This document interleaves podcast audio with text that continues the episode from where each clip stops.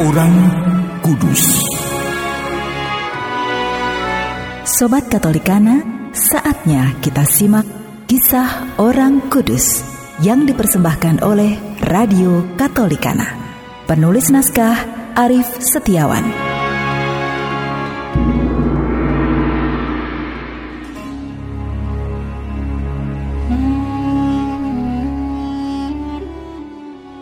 Saudara-saudari, hari ini kita akan mengikuti kisah Nabi Yehezkiel.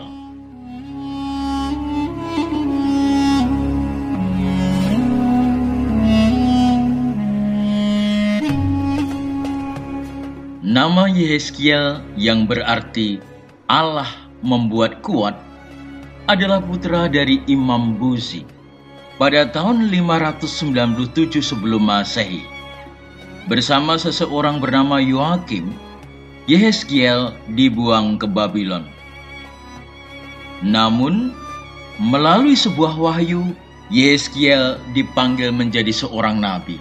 Ia mengumumkan ramalannya tentang kehancuran kota Yerusalem yang sudah dekat. Melalui banyak ancaman dan hukuman, perbuatan-perbuatan simbolis, ketika kota Yerusalem benar-benar dihancurkan oleh Nebukadnezar pada tahun 586 sebelum Masehi, barulah para buangan lebih menaruh perhatian pada pekerjaan Yeskiel. Sementara itu, bagian kedua dari pewartaannya Yeskiel mengungkapkan harapan akan kepulangan mereka dan datangnya saat keselamatan nan gemilang. Nabi Yeskiel meninggal dalam pembuangan di Babilonia.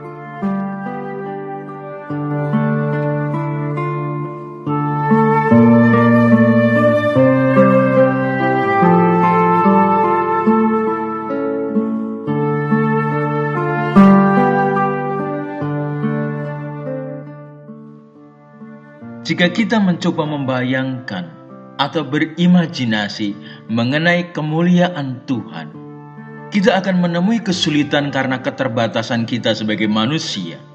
Kemuliaan Tuhan terlalu dahsyat untuk dapat diuraikan. Tidak heran ketika kita membaca upaya Yeskiel menggambarkannya, semakin banyak kata digunakan, justru semakin bingung kita membayangkannya. Karena itu, hanya satu hal yang Yehezkiel perbuat tatkala diperhadapkan pada kemuliaan Tuhan yang begitu dahsyat, yaitu sujud menyembah dalam kerendahan hati. Allah yang maha mulia, yang jauh melampaui pikiran manusia, tidak bisa digambarkan oleh apa pun di muka bumi ini. Manusialah satu-satunya ciptaan Allah yang disebut gambar Allah. Manusia diciptakan Allah dengan menyandang citra Allah untuk menyatakan kemuliaan Allah.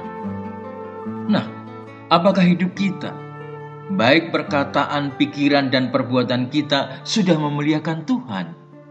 Oleh Yesus Kristus, kita dikuduskan agar layak memuliakan Allah dengan seluruh aspek kehidupan kita, karena hanya Dia yang patut disembah.